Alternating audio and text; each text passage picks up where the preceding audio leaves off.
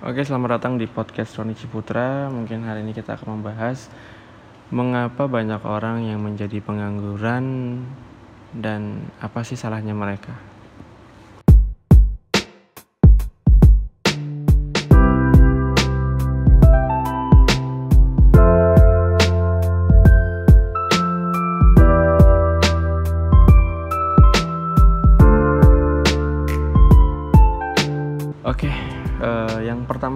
Kita bahas adalah eh, berdasarkan data pakar ekonomi pada tahun 2019 itu terdapat 7, 7 juta orang atau sekitar 5-28% dari populasi orang Indonesia yang menganggur.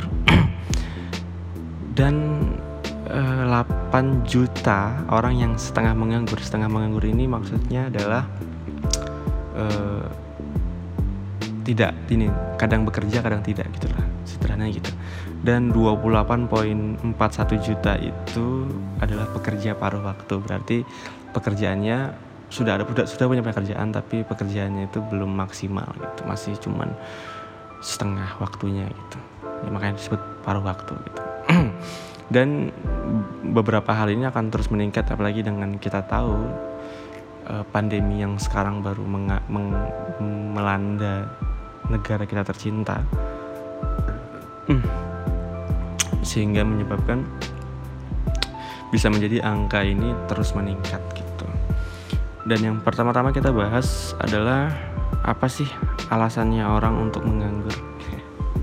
Kenapa sih orang itu bisa menganggur gitu atau tidak memiliki pekerjaan gitu?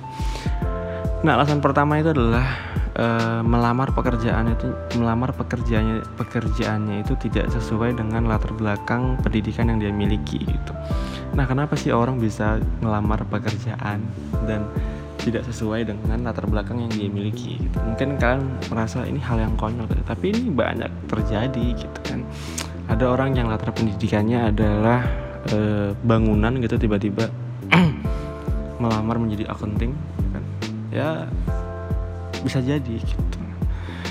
Eh, alasan pertama adalah tidak tahu harus melamar ke mana. Ini ini eh, lebih tepatnya dia itu sangat newbie mungkin di dunia pekerjaan sehingga dia tuh masih belum paham gitu dan tidak mau juga mencari tahu. Saya ini dengan bidang saya dengan kemampuan saya saya harusnya ngelamar ke perusahaan yang seperti apa sih? Saya harus ngelamar ke perusahaan yang gimana sih gitu. Nah dia ini belum tahu kemudian uh, yang kedua itu adalah ikut-ikutan teman gitu. jadi temannya itu punya latar belakang pendidikan yang beda dengan dia. Cuman karena mungkin saling sering main bareng sering jalan bareng sering have fun bareng sehingga ketika temannya punya pekerjaan dia juga tertarik untuk melakukan pekerjaan temannya gitu. Terinfluence sama pekerjaan temannya dan masuk ke pekerjaan temannya itu juga bisa terjadi gitu kan. Sering sering sering banget terjadi. Kemudian tidak suka dengan latar belakangnya gitu. Nah ini ini cukup kita bisa kita biasa bahas lebih dalam ya untuk hal yang ini.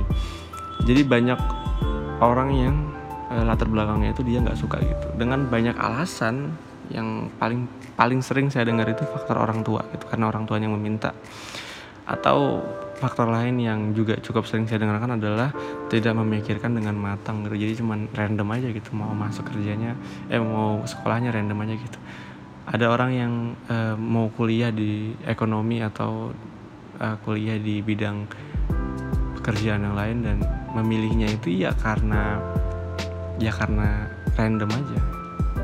Nggak dipikirkan matang-matang gitu. Dan ini cukup menjadi uh, masalah ketika nanti ketika kamu udah lulus dan bekerja kamu jadi nggak tahu nih mau mau masuknya itu ke bidang yang mana mau masuknya itu ke mau masuknya itu menjadi pekerjaan yang seperti apa gitu.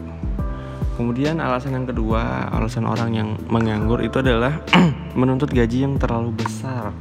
Nah ini uh, sering ya bahkan beberapa bulan yang lalu kalau kalian masih ingat di sosial media baru aja dihebohkan dengan seseorang yang lulusan universitas ternama kemudian interview kerja dan dia post story di Instagramnya mengatakan bahwa dia berhak mendapatkan gaji yang lebih tinggi. Kalau nggak salah waktu itu dia digaji 8 juta which is itu udah gede ya. 8 juta tahun 2019 itu udah gede banget. Apalagi untuk fresh graduate tapi tidak merasa karena saya urusan universitas ini saya lulusan terbaik sehingga saya pantas mendapatkan gaji yang lebih besar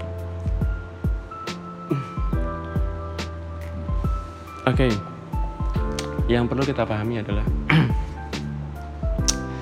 uh, bekerja dan berpendidikan itu adalah dua hal yang berbeda.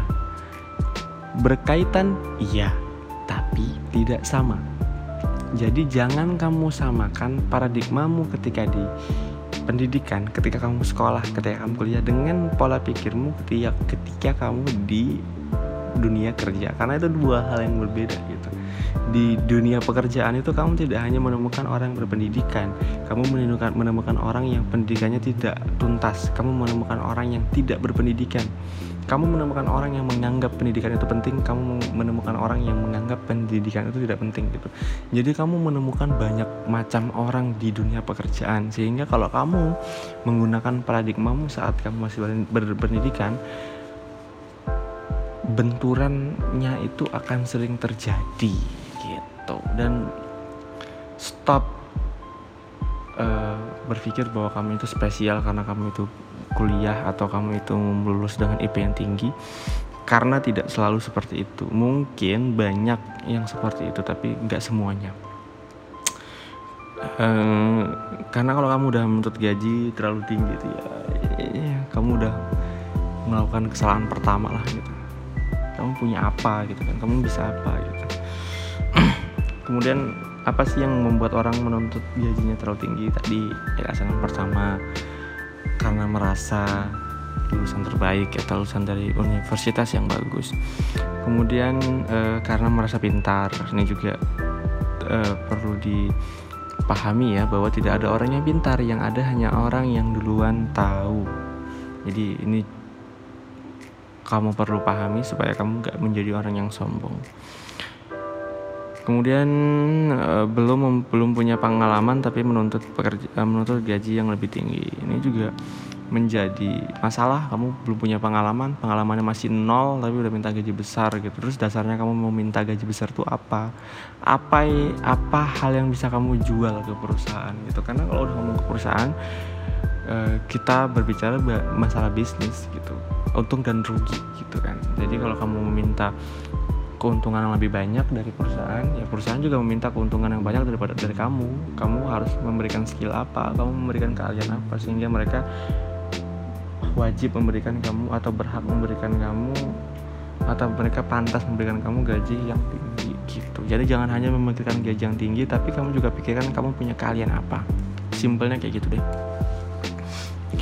Kemudian alasan yang ketiga adalah melamar pada perusahaan yang nggak buka lowongan. Nah ini ini stupid sih ngapain kamu ngelamar ke buka. Eh tapi ini juga sering terjadi ya. Karena gini, karena banyak orang yang menga, bekerja, eh banyak orang yang ingin bekerja itu di perusahaan yang dia idamkan gitu. Nah ini tentu karena apa? Karena gengsi, karena uh, apa namanya dekat rumah mungkin atau karena ingin inginnya di situ gitu. Kalau kerja di situ keren lah gitu. Sehingga ketika perusahaan itu tidak membuka lowongan ya ya kamu akan nganggur kalau misalkan kamu maksa ngelamar ke situ gitu kan.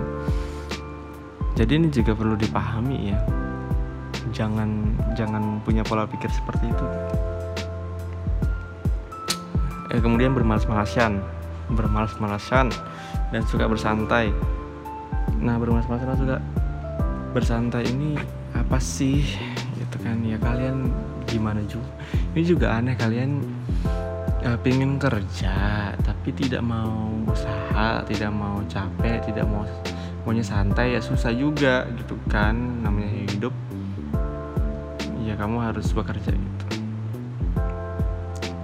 Oke okay mungkin yang bersantai nggak perlu kita banyak terlalu banyak bahas karena ya sudah mau diapain juga orang seperti itu kemudian kondisi negara atau ekonominya yang lagi jatuh contoh seperti sekarang yang lagi terjadi pandemi COVID-19 sehingga banyak uh, perusahaan yang terpaksa violate dan mem memaksa memihak karyawannya dan menyebabkan orang itu menjadi menganggur.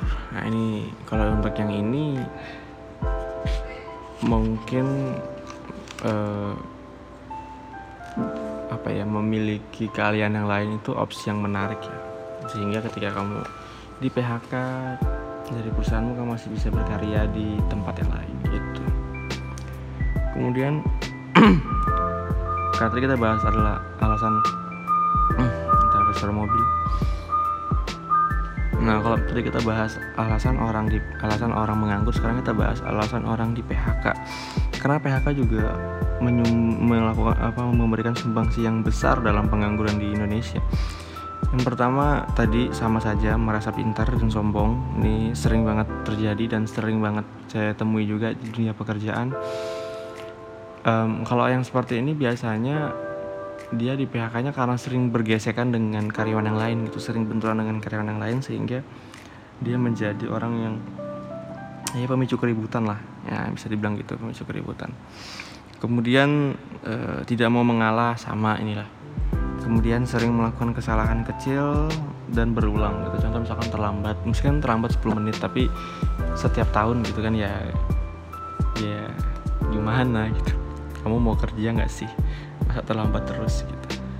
Atau udah dikasih teguran kecil sama bosnya tapi nggak digubris ini juga perlu di apa namanya perlu dipahami perlu kita uh, hindari. Jangan sampai kita terjebak dalam eh, hal-hal uh, seperti ini ya. Hal-hal kecil itu mungkin sepele tapi kalau sering ya jadi something juga gitu. Kemudian uh, mangkir ya mangkir dan sering alfa ini contoh-contoh orang yang tidak punya komitmen udah punya ikatan dengan perusahaan tapi malah mengabaikannya malah mangkir gitu kan dari tanggung jawabnya. Dan ini contoh pribadi yang nggak baik juga. Karena dunia pekerjaan itu setahu saya uh, dari mulut ke mulutnya juga cukup berpengaruh. Jadi ketika kamu sudah mulai membuat namamu itu menjadi negatif ya siap-siap aja nanti ketika melamar di perusahaan yang lain akan lebih sulit gitu. Uh, terus bagaimana sih seharusnya menjadi karyawan? Yang kalau dari dari sudut pandang saya kalau misalkan kamu udah jadi karyawan itu ya uh, melakukan yang terbaik yang kamu bisa gitu. Ya mungkin kamu merasa bahwa ini tuh perusahaan orang dan ini tuh ini tuh uangnya ketika untung perusahaan ini tidak masuk ke saya gitu mungkin pendapat apa pola pikirmu itu benar tapi pola pikir seperti ini itu juga tidak tepat ya. Tidak salah tapi tidak tepat karena kalau misalkan kamu punya pola pikir seperti ini pertanyaan saya pertanyaan saya adalah memangnya kamu setiap bulan itu makan dari gajinya? Gajinya siapa? Kan dari perusahaan itu toh. Jadi kalau misalkan kamu sudah merasa perusahaan itu memberikan kamu periuk nasi ya kamu harus fokus di perusahaan itu kamu harus mengabdi di perusahaan itu. Karena perusahaan itu sudah bayar kamu gitu jangan kamu sudah dibayar kamu merasa uang yang kamu terima itu tidak cukup sehingga kamu bermalas-malasan gitu. Ini juga salah gitu. Maksudnya uh, menja menjadi gentleman lah atau untuk kalian yang laki-laki ya para laki-laki kan yang paling banyak bekerja para laki-laki nih. Dan ya perempuan juga bekerja sih. Tapi intinya begini menjadi bertang menjadi pribadi yang bertanggung jawab itu sangat penting di perusahaan menjadi apa ya memiliki integritas yang tinggi itu penting gitu. Karena karena ketika kamu sudah di perusahaan ya kamu dibayar misalkan dari jam 7 ke 3 atau jam 6 ke 6 gitu dengan gaji 5 juta 6 juta dan ketika kamu menggunakan beberapa waktu di dalam 6 sampai 6 atau 7 sampai 3 itu untuk sesuatu yang bukan kepentingan perusahaan maka seharusnya kamu sadar bahwa dari banyaknya gaji yang dia berikan ke kamu itu tidak semuanya hak kamu kan gitu aja simpelnya gitu. Um, mungkin hal ini beberapa waktu ke belakang itu menjadi hal yang sangat normal karena merasa kayak "Hmm, nggak mungkin lah kerja dari jam jam 7 sampai jam 3 gitu. Memang aku robot ya? Tapi kalau kita baca kontraknya kan seperti itu bro. Sis gitu kan. Jadi ya kamu baca deh kontraknya itu. Kamu disuruh kerja dari jam 7 sampai jam 3 gitu.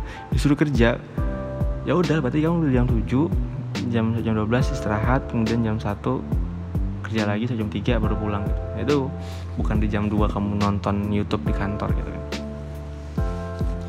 Jadi kalau ngomongin tentang perusahaan dan ngomongin tentang bekerja itu ada yang namanya hak dan tanggung jawab. Jangan hanya memikirkan hakmu tapi juga pikirkan tanggung jawabmu sudah kamu penuhi atau belum. Intinya itulah. Terus uh, saya juga ingin membahas tentang permasalahan yang sering terjadi yaitu mengejar passion passion atau banyak orang yang salah langkah dalam mengejar passion ini. Mungkin kalau kalian baca banyak buku dan banyak konten kreator di YouTube yang membahas tentang passion dan mereka itu sangat menyarankan untuk berhenti dari pekerjaanmu dan lakukanlah apa yang kamu sukai atau apa sih passion kamu gitu. Dan ini saya ingin ngasih tahu ya bahwa tidak semua orang itu mengetahui passionnya apa. Jangan kamu pikir semua orang itu paham passionnya apa ada loh orang yang nggak tahu tuh passionnya itu apa. Ada orang yang hari ini suka main gitar besok suka main drum besok lagi suka uh, main mobil-mobilan besoknya lagi suka main game. Dan random gitu dia random aja gitu. Passionnya nggak jelas gitu kan. Sehingga ketika orang-orang seperti ini mendengarkan cabut dari pekerjaan untuk fokus ke passionnya ketika dia cabut dari pekerjaannya dan fokus ke passion dia nggak tahu apa yang harus dilakukan karena passionnya banyak cuy.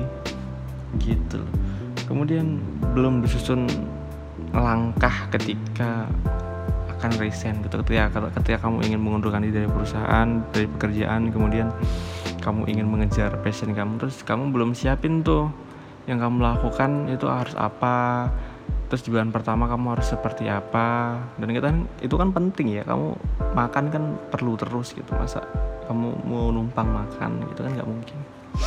Jadi itu juga perlu dipikirkan. Dana cadangan itu perlu dipikirkan. Dan jangan juga gegabah dalam mengambil keputusan baru denger uh, baru baca baca buku baca uh, penonton film terus kena influence-nya habis itu kamu cabut gitu kan ini juga nggak perlu nggak nggak bagus gitu. Kemudian um, masalah yang kedua adalah aduh aku jadi lupa. Sorry aku blank bro. Jadi gini jadi karena uh, passion itu adalah sesuatu hal yang oh sorry aku ingin ngomong ini dulu jangan karena terinfluence kamu terus tiba-tiba gegabah dengan keputusan saya juga dulu pernah baca buku kalian baca deh bukunya bagus banget judulnya uh, Science eh, Science of Luck Nah, Science of Luck itu karyanya Bung Chandra kalau nggak salah. Itu saya baca bukunya tahun 2013 atau 2014 gitu lupa. Um, Science of Luck itu membahas uh, sisi ilmiah dari keberuntungan gitu. Nah, tapi di situ disisipkan bahwa uh, bahwa kamu itu ketika kamu memiliki usaha itu tidak selalu usahamu itu rugi dan tidak selalu usahamu itu beruntung intinya gitulah dan intinya gini intinya di akhir akhir buku itu kamu akan merasa bahwa bekerja itu nggak penting gitu. Yang penting itu adalah memiliki usaha. Nah itu juga salah gitu. Pada saat itu kalau waktu itu saya baca buku itu pada saat itu saya pada saat itu saya lagi bekerja. Dan ketika saya baca buku itu saya sudah cukup punya banyak pengalaman sehingga tidak terlalu terbawa arus dan langsung gegabah ngambil keputusan. Nah, bayangkan teman-teman yang mendengarkan mendengarkan atau membaca buku-buku ya buku ini tidak negatif, buku ini bagus gitu untuk untuk uh, apa namanya? untuk influence kita gitu apalagi aku ngebaca buku Science of Luck itu salah satu buku terbaik yang pernah saya baca itu karya Bung Chandra tapi perlu kalian pahami juga bahwa ketika kalian tidak memiliki cukup ilmu uh, dalam dalam uh, menjalani kehidupan ini kamu akan cenderung gampang terpengaruh untuk pindah ke ke yang lainnya gitu. Kamu bakal gampang gampang bergeser uh, keinginan gitu. Jadi jangan sampai kamu terjebak dalam hal ini. Karena sangat disayangkan kalau kamu mengalami hal tersebut. Mungkin untuk saran dari saya. Untuk saran dari saya uh, kenapa kita nggak fokus dalam membangun karir kemudian kepada perusahaan kemudian perlahan kita mulai mengikuti passion yang kita inginkan ya yang kita benar-benar inginkan. Jadi bukan kamu berhenti kemudian kamu melakukan passionnya tapi kamu bekerja sembari mengerjakan passion itu gitu. Jadi ketika kamu meninggalkan pekerjaanmu seenggaknya passionmu kamu sudah setengah jalan gitu. Mungkin banyak kalian langsung beralasan bahwa nggak ada waktu untuk aku bekerja. Sudah capek dan nggak ada waktu lagi untuk belajar passion jadi aku harus berhenti. Perlu kamu pahami bahwa di luar sana orang yang sukses itu banyak pengorbanannya. Salah satu pengorbanan mereka adalah waktu. Jadi kalau kamu mau menjadi orang yang sukses dan kamu bahkan untuk mengorbankan waktu aja kamu tidak mau ya bisa saya katakan ya kamu akan jauh dari kata sukses lah karena itu pengorbanan yang sering saya dengar gitu. Jadi ya, harus fair lah dalam menjalani hidup. Kalau kamu bekerja fokuslah pada pekerjaanmu. Kalau kamu pengangguran fokuslah untuk mencari pekerjaan. Jangan malas-malasan jangan santai-santai aja. Dan kalau kamu ingin mengejar passionmu jangan mengeluh. Jangan iri dengan temanmu yang sudah punya pekerjaan. Dah mungkin gitu aja yang bisa saya sampaikan. Terima kasih sudah mengenalkan podcast Roni Ciputra um, semoga kita bisa ketemu lagi di podcast kali di konten di konten konten berikutnya dan see you guys